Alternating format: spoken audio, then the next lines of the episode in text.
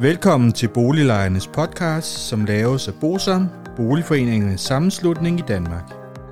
Bosam er en engageret og aktiv lejeorganisation, som har specialiseret sig i at bistå og rådgive beboerorganisationer i private udlejningsejendomme og afdelingsbestyrelser i almen boligejendomme. Formålet med Boliglejernes podcast er at informere lejerne om nogle af de problemstillinger, som vi ved, at mange lejere ofte spørger om samt at give mulighed for, at nogle aktuelle problemstillinger bliver belyst ud fra et lejerperspektiv. Boliglejernes podcast er lavet af lejere til lejere.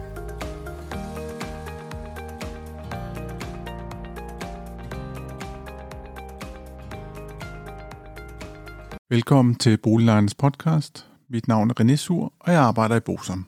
I dag skal vi se på den rulleplan, som Frederiksberg Kommune har vedtaget lige før sommerferien i 2022, der omhandler den blandede by.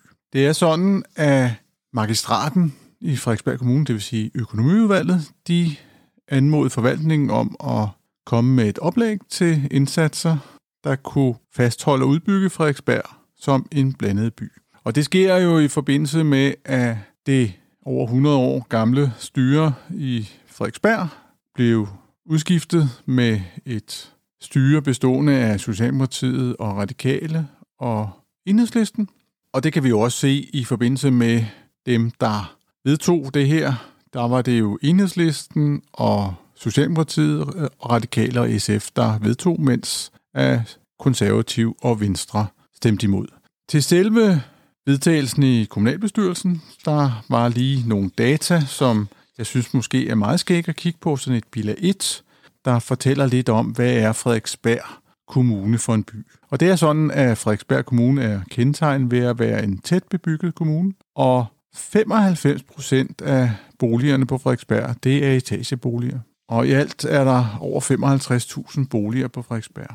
Og heraf så er de private udlejningsboliger, det er 37 procent, plus der er 2 procent det, vi kan kalde offentlige boliger, det er de kommunale boliger, så der er næsten 40 procent boliger i privat udlejning. Dertil er der 11 procent almene boliger, og så er der 27 procent af boligerne, der er andelsboliger, mens ejerboligerne er 23 procent af de samlede antal boliger på Frederiksberg.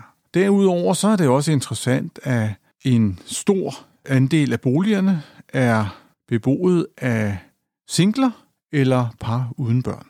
Og da det er jo attraktivt at bo på Frederiksberg, så afspejler det sig jo også desværre i priserne. Og det er simpelthen sådan, at de private ejerboliger, de er simpelthen blandt de dyreste i Danmark, og det afspejler sig desværre også i huslejeudviklingen på lejeboligmarkedet og andelsboligmarkedet. Derudover så er der en interessant ting, at de har forholdt sig lidt til de huslejeniveauer, som der er inden for nybyggeri på Frederiksberg. Og det er sådan, at der er nogle nybyggede familieboliger på Frederiksberg, der blev taget i brug i 2020, og de har en husleje på 1250 kroner. De nye boliger, der kommer på det, der hedder hospitalsgrunden, det vil sige der, hvor Frederiksberg Hospital ligger i dag, og hvor der så skal bygges blandet boliger, der regner man med, at huslejeniveauet vil være omkring 2.000 kroner for de boliger, der bliver udlejet efter privat udlejning, og det svarer altså til en husleje forskel på 60 procent. Derudover er det værd at hæfte sig ved, at selve øh, befolkningsprognosen på Frederiksberg, der forventer man, at den samlede befolkning vil stige med 4,7 procent. Det var ligesom grunddataene for, hvordan det hele ser ud på Frederiksberg. Og det, som så er i den her plan, det er, at det nye flertal de mener, at den blandede by er en forudsætning for en miljømæssig og socialt bæredygtig by. Derudover så forholder man sig også til, at Frederiksberg har gode forudsætninger for at være og forblive en blandet by, men der er desværre også nogle tendenser, der peger i den modsatte retning. Og det er jo blandt andet de her stigende priser på ejer, leje og andelsboliger, og det betyder nemlig, at det bliver sværere for borgere med lavere indkomster at finde en bolig på Frederiksberg.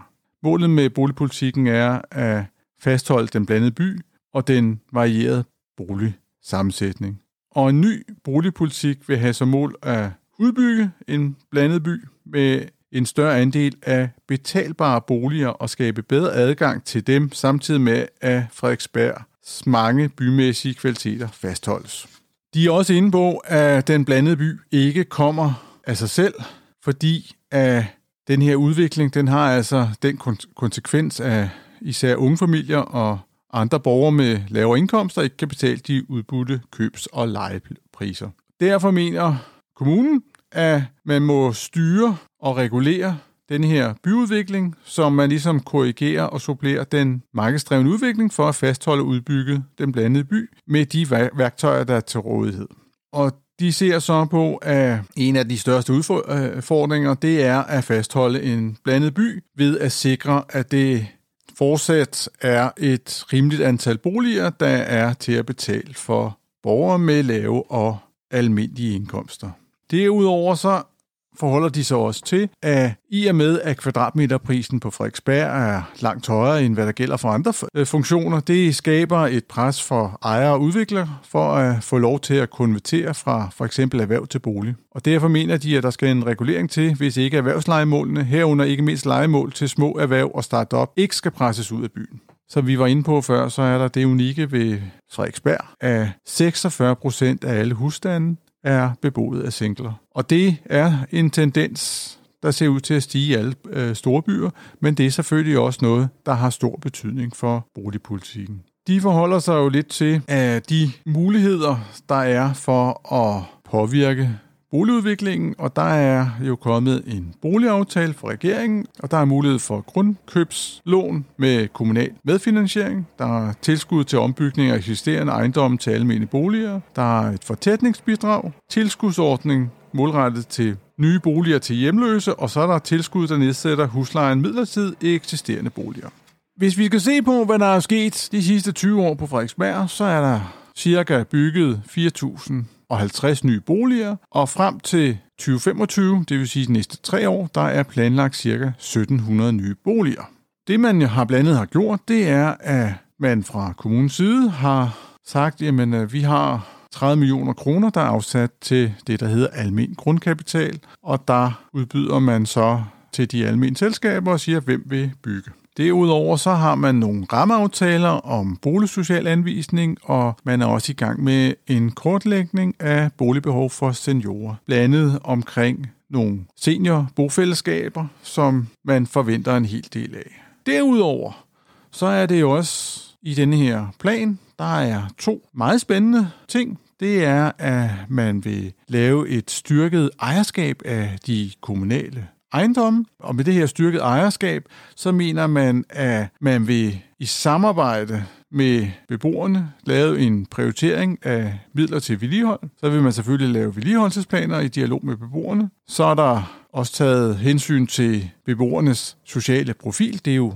anviste øh, borgere, det vil sige, det er typisk borgere, som ikke har den store indkomst, så derfor ser man også på en mulighed for at finansiere en del af de forbedringsarbejder øh, øh, med hensyn til beboernes sociale profil. Og så vil man undersøge mulighederne for udbud øh, af driften. Og det er jo også noget af det, vi har beskæftiget os indgående med i den her podcast. Så forholder man sig til, at der skal laves en redningsplan for Frederiksberg Boligfond, og der skriver man, at Frederiksberg Boligfond er aktuelt i økonomiske vanskeligheder, og der arbejdes derfor på en redningsplan med følgende elementer. Fonden har brug for at refinansiere sin gæld. Kommunens nuværende forkøbsret står i vejen for Boligfondens refinansiering, og kommunen sørger at veksle forkøbsretten til en permanent anvisningsret. Derudover så har et flertal i det, der hedder By- og Erhvervsstrategisk Udvalg indstillet, at der tilføjes et særligt indsatsområde om, at Frederiksberg Kommune over for staten opfordrer til at forbedre kommunernes muligheder for at fastlægge krav til boligtyper, huslejeniveauer med videre for privat boligbyggeri. Og det er jo dejligt at se, at, at man tænker lidt ud af boksen og ligesom siger, jamen det har vi behov for for kommunen for at føre vores øh, visioner ud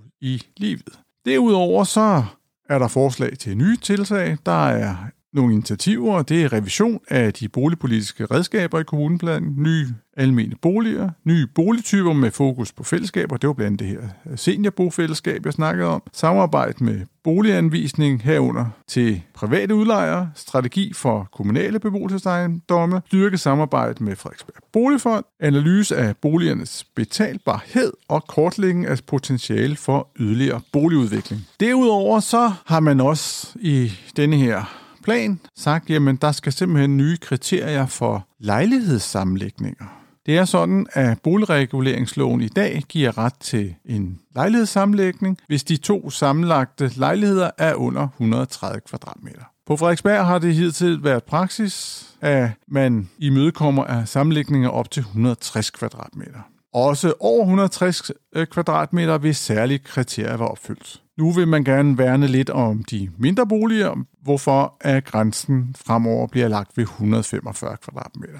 Og det er jo også lidt over det, som boligreguleringsloven siger. Så har de nogle nye tiltag, og det er jo blandet almene boliger, og der mener de, at almene familieboliger er det mest sikre svar på behovet for flere betalbare boliger. Og det vil også sige, at en central del af strategien for at udbygge den blandede by er derfor at udbygge flere nye almene boliger og gerne i nye boligafdelinger.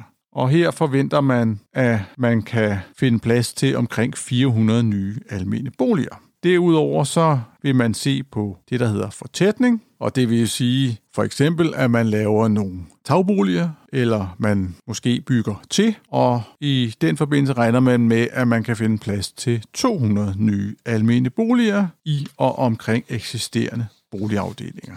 Så er der nogle planer om det her seniorbofællesskab, og der er planer om, at kommunen målrettet vil afsøge muligheden for at indgå aftaler med private udlejere om at anvise boligsøgende med et boligsocialt behov til private udlejningsejendomme. Lidt i lighed med, med det, man har med Frederiksberg Boligfond i dag. Jeg vil sige, at når jeg læser denne her plan, så er der jo mange gode intentioner, synes jeg, med at man vil fortsætte med at have den blandede by. Man vil have nogle boliger, som man kan sige både høj og lav kapital, og, og det er jo en god ting. Der skal både være store og små boliger, det vil sige, der er også til, til singlerne og den store familie, og der er også til for eksempel bofællesskaber, seniorbofællesskaber, og det betyder så er der også til forskellige aldre. Og det ser jeg jo som noget meget positivt.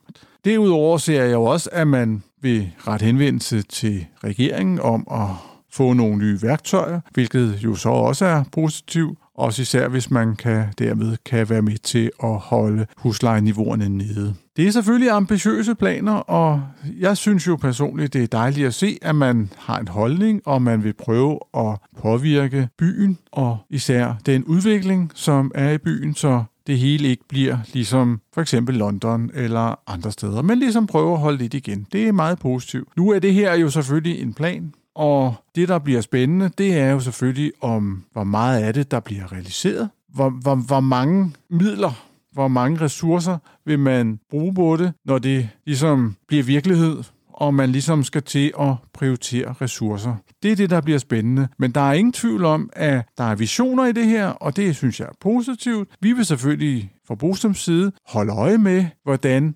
opfølgningen bliver på det her, fordi det er jo altid det allermest spændende i sådan nogle planer her, at det ikke bare ender med en skoletale, men at der kommer nogle konkrete resultater på bordet. Det var det, jeg vil sige om den her plan. Ha' det godt. Hej hej. Hvis du synes om Boliglejernes podcast, vil vi blive rigtig glade, hvis du deler episoden med dine venner, og måske giver os en anmeldelse og nogle stjerner i iTunes, så vi derved kan komme ud til mange flere lyttere. Oplysningerne i denne podcast er udtryk for vores opfattelse af retsstillingen på nuværende tidspunkt. Men husk, at retsstillingen kan have ændret sig, når du hører denne podcast, da der kan være kommet ny lovgivning eller praksis på området. Den videre er vigtigt at være opmærksom på, at gennemgangen i denne podcast alene har været overordnet for at give et overblik og derfor ikke kan regnes for en udtømmende gennemgang af emnet.